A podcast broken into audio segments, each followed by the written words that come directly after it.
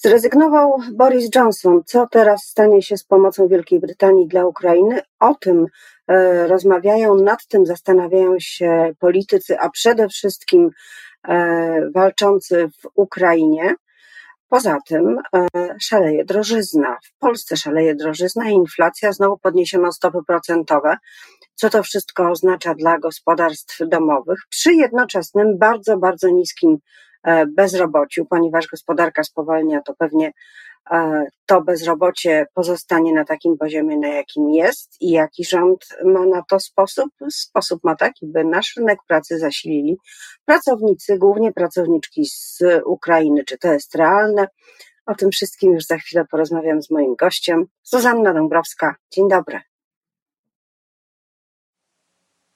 Moim gościem jest Hanna Gil-Piątek, posłanka Polski 2050, Szymona Hołowni. Dzień dobry pani poseł. Dobry, dzień dobry państwu, dzień dobry. Zacznijmy od e, konkretu, z którym ma pani bezpośredni związek, bo to pani interweniowała w sprawie e, trudności, które mają uchodźcy, głównie e, uchodźczynie z Ukrainy, które powracają do Polski po pobycie w Ukrainie, no choćby po to, żeby zobaczyć czy dom jeszcze stoi, y, być może odwiedzić rodziców, być może odwiedzić męża, często też jeżdżą dzieci e, na weekend, żeby zobaczyć się z tatą, chociaż na chwilę, który nie mógł e, wyjechać. No i okazuje się na granicy, że straż nasza graniczna nie respektuje tych e, dokumentów czy, wynikających z ustawy nadzwyczajnej o, o uprawnieniach obywateli Ukrainy w związku z wojną. Skąd pani dowiedziała się o takiej sytuacji? Czy to są częste przypadki? Przede wszystkim zgłosiło się do mnie Stowarzyszenie Interwencji Prawnej, które pomaga uchodźcom w takich właśnie prawnych sprawach, ale też miałam pojedyncze zgłoszenia i to jest problem narastający. Powiem dlaczego. Dlatego, że nałożyły się u nas, jak to zwykle, kiedy e, piszemy prawo trochę na kolanie, tutaj trzeba było tą ustawę ukraińską szybko napisać, ale dwa systemy prawne się tutaj jakby nałożyły.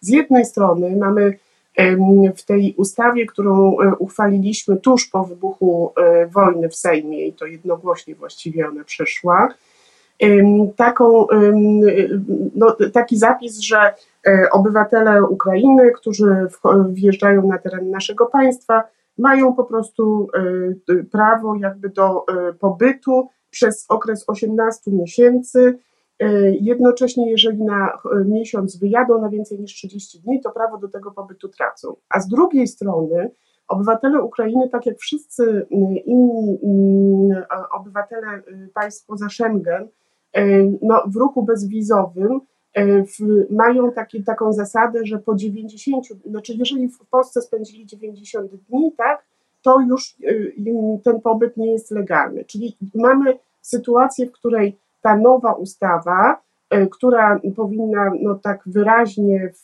jakby modyfikować przepisy tamtej, czyli jakby być bardziej przyjazna dla wszystkich, którzy na przykład właśnie zostawili, tak jak pani redaktor mówi, e, czy nie wiem, rzeczy w domu, e, czy rodzinę, czy też dokumenty, powinna być ta nowa ustawa no, jako prawo głównie obowiązujące. Tymczasem dowiedzieliśmy się. Ale przepraszam, teraz, czy, czy to znaczy, pani, pani poseł, przepraszam, czy to znaczy, że y, kiedy uchwalano tę ustawę specjalną, nadzwyczajną, w szybkim trybie, nie y, wprowadzono żadnych zmian do przepisów o przekraczaniu granicy strefy Schengen? Nic się tutaj nie zmieniło?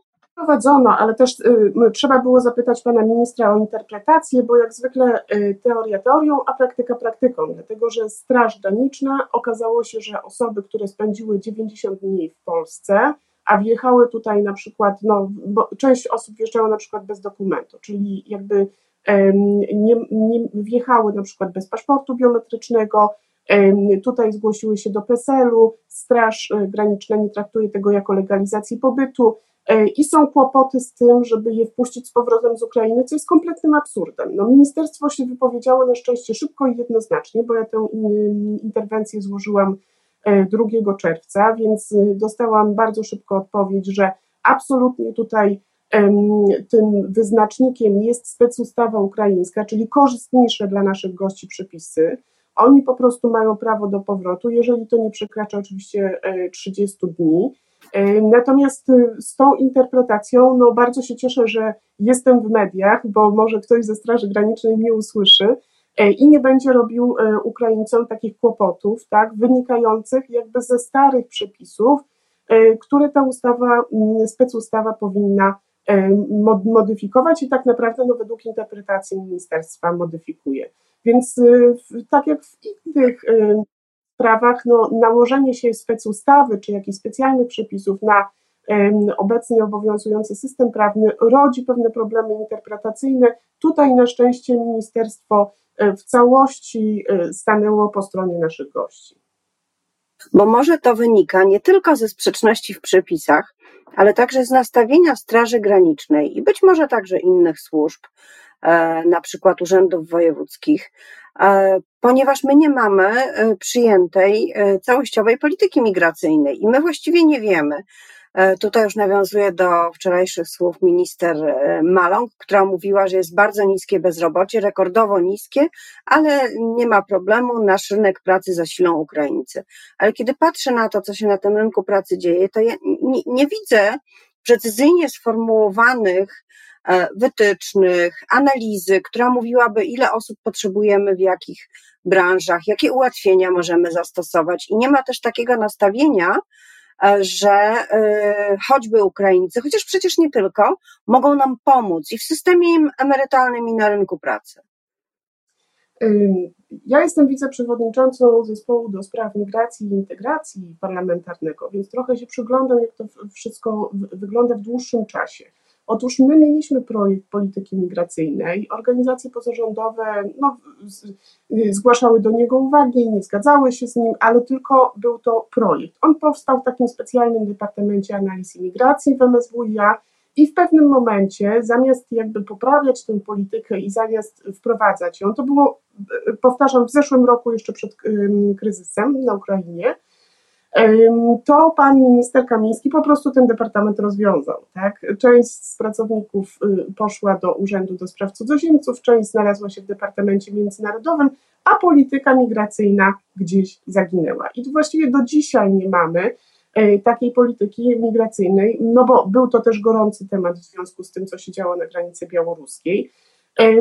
My jesteśmy kompletnie nieprzygotowani. Kiedy na Radzie Bezpieczeństwa Narodowego, na tej nietajnej e, części, od razu powiem, pytałam pana ministra Kamińskiego, e, czy jesteśmy przygotowani na mm, falę, zbliżającą się falę uchodźców z Ukrainy, bo już wiadomo, że ona e, była i to było na początku tego roku, to on powiedział, że ta mm, strategia się pisze i ona zaraz będzie. No ja tej strategii nigdzie nie widziałam. A myślę, że jeżeli chodzi o Y, nasz rynek pracy, to on rzeczywiście w tej chwili pracowników jak najbardziej potrzebował, że te kłopoty gospodarcze, które mamy mm, w tej chwili z inflacją i z drożyzną, no mogłyby być y, w, no, w tej chwili po prostu no dzieje się to bez żadnej oczywiście polityki, że tak powiem na dziko, tak, ale Ukraińcy są zatrudniani, pracują w Polsce, chcą pracować i z tego co wiem dość dobrze to idzie. No właśnie, y, jest raport, y, który dotyczy y, tego, czy Ukraińcy i Ukrainki, bo wśród badanych 85%, tak żeby to było odzwierciedlało strukturę tej, tej migracji, 85% to kobiety mówią, że w większości, że tak, że chciałyby, no ale jednocześnie one są obciążone swoimi rolami opiekuńczymi, bo albo mają starszych rodziców, albo mają dzieci, w tym e, malutkie dzieci.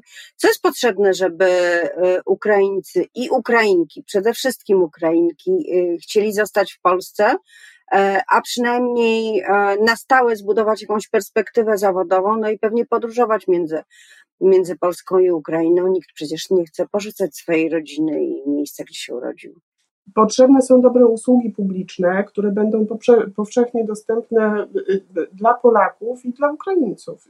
Pod takie usługi publiczne, które pozwolą godzić wychowanie dzieci na przykład, czy opiekę nad osobami no, niesamodzielnymi, bo tutaj nie tylko osoby starsze, ale też niepełnosprawne w ukraińskich rodzinach się znajdują, tak jak we wszystkich, tak? Natomiast y, ten, ta fala migracji pokazała, obdarzyła wszystkie wady naszego systemu. To znaczy, PiS y, realizował taką politykę jakby do, do ładowywania rodzin pieniędzmi w postaci 500 plus. I to w ogóle bardzo dobrze, bo we wszystkich cywilizowanych krajach takie dodatki w związku z wychowywaniem dzieci istnieją, więc 500 y, plus na pewno było potrzebne, ale to nie znaczy, że wszystkie rodziny mogą sobie jakby zapewnić za te pieniądze same jakiś przyzwoity poziom y, usług publicznych, dlatego że no wiemy, że bardzo trudno jest zapisać dziecko w Polsce do żłobka, bardzo trudno zapisać jest do przedszkola z osobami, y, z osobami seniorami, którzy e, wymagają pomocy, jest kolosalny problem, naprawdę. My mamy albo bardzo drogie DPS-y, na które rodzin nie stać, bo tam jest ogromna dopłata zazwyczaj, a, a emerytura jest marniutka, więc nie pokrywa tego kosztu DPS-u, ale też y, w ogóle nie idzie taki system, y, który mamy, który nam wynika z deinstytucjonalizacji systemu, czyli my powinniśmy mieć tak naprawdę armię osób, które opiekują się starszymi osobami y, w domach.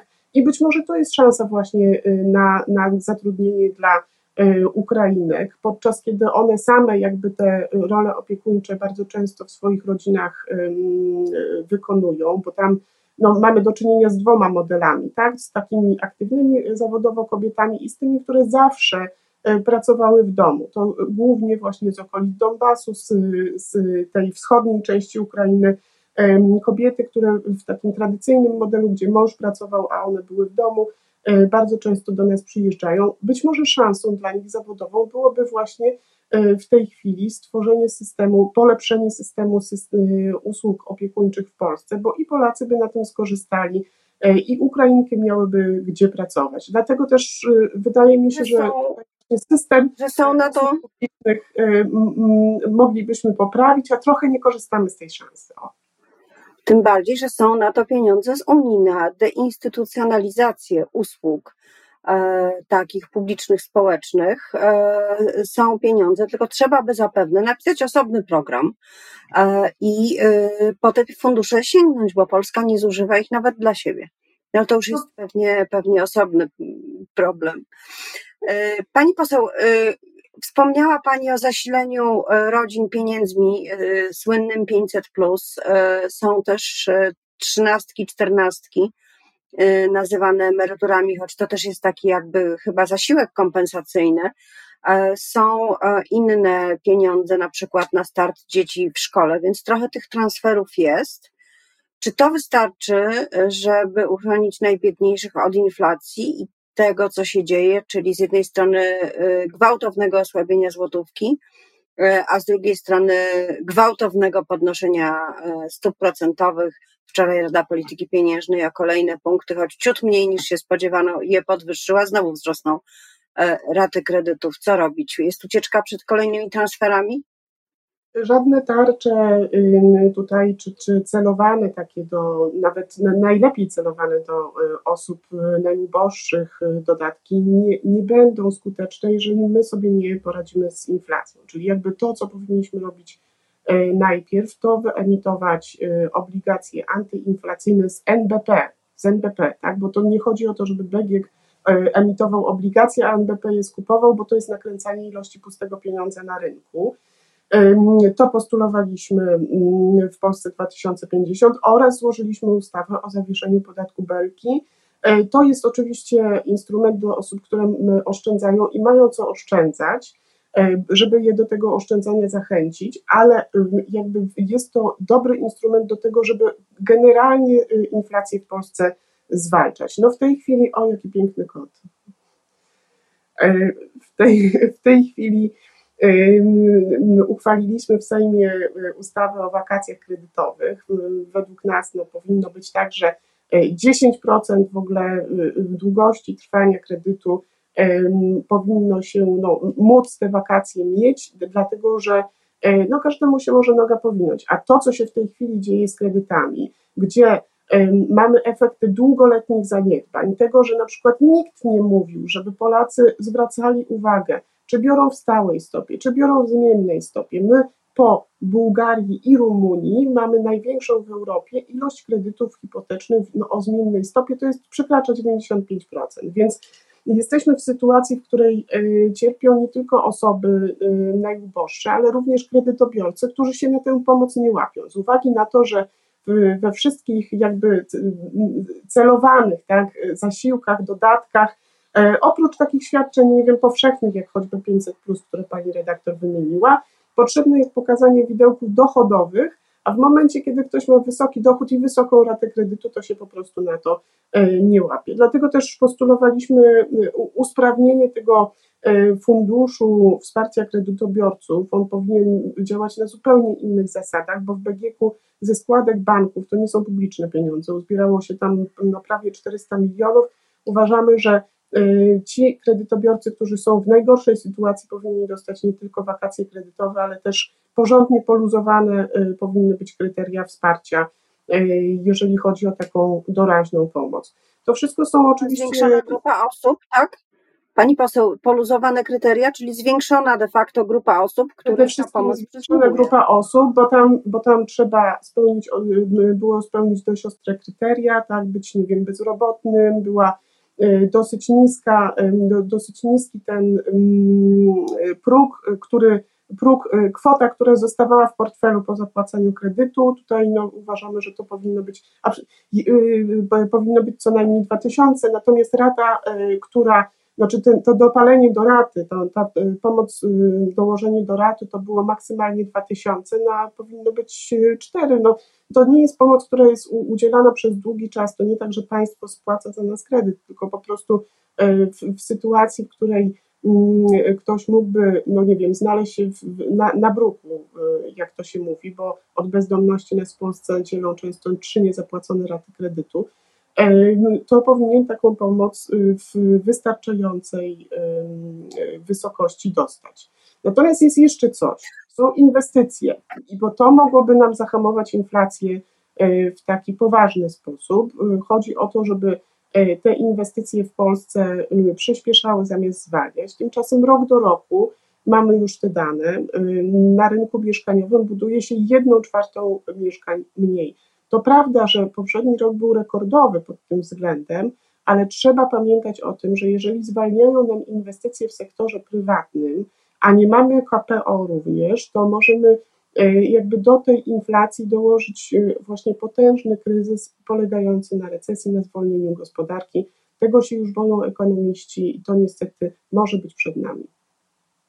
No ale prezes Jarosław Kaczyński zapowiedział e, wojnę, wydanie wojny spekulantom mieszkaniowym, deweloperom, e, no tyle, że do tego trzeba by zmienić chyba w Polsce stosunki własne. Ja myślę, a ja myślę, pani redaktor, że to by się dało zrobić e, o wiele lepiej. Pan prezes Kaczyński sam nie wie, co się dzieje w jego ogródku. Mamy na przykład od dwóch lat, lat świetną, ale nierozpropagowaną ustawę lokal za grunt. Tutaj na gruntach Skarbu Państwa mogłyby powstawać prywatne osiedla i w zamian za ten grunt, y, znaczy do, do gmin trafiałyby y, mieszkania o takim obniżonym czynszu mieszkania na cele społeczne.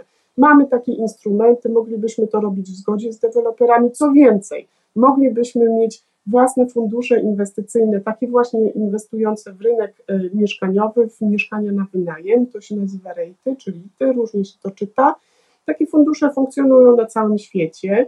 E, a y, ustawa o, o rejtach cały czas leży w szufladzie ministerstwa. Ostatnio dowiedzieliśmy się wręcz, że Polska takich funduszy nie będzie miała. Tymczasem jest to świetny instrument inwestycyjny, który może pomóc w walce z inflacją właśnie, bo ściąga pieniądze z rynku i jakby transferuje je w inwestycje. I teraz jest jedna rzecz związana z tymi rejtami, która mnie bardzo dziwi. Dlaczego fundusze zagraniczne, które bardzo agresywnie weszły na polski rynek nieruchomości e, i operują nad nim, na nim od kilku lat. Mieliśmy sytuację ostatnio, gdzie za milion euro poszło, przepraszam bardzo, miliard euro, tak? bo to, to, to, są, to jest ta skala, poszło całe osiedle Budimexu w Warszawie właśnie w ręce prywatnego funduszu. To nie jest źle, tylko dlaczego jakby osoby, które inwestują za granicą, czyli przysłowiowi niemieccy emeryci mogą zarabiać na polskim rynku nieruchomości w funduszach zagranicznych, a my w Polsce takich funduszy mieć nie możemy. No to jest dla mnie coś e, rzeczywiście jakby kłopotliwego do wytłumaczenia i to pytanie zadałabym bardzo chętnie panu prezesowi. I to jest bardzo dobre pytanie, dlaczego i jednocześnie wskazówka dla prezesa może w ten sposób jakoś wspomoże zwalczyć głód mieszkaniowy. Ja bardzo dziękuję za dzisiejszą rozmowę i dzisiejsze analizy. Moim gościem była posłanka Polski 2050 Hanna Gil-Piątek. Miłego dnia. Dziękuję, miłego dnia Pani redaktor.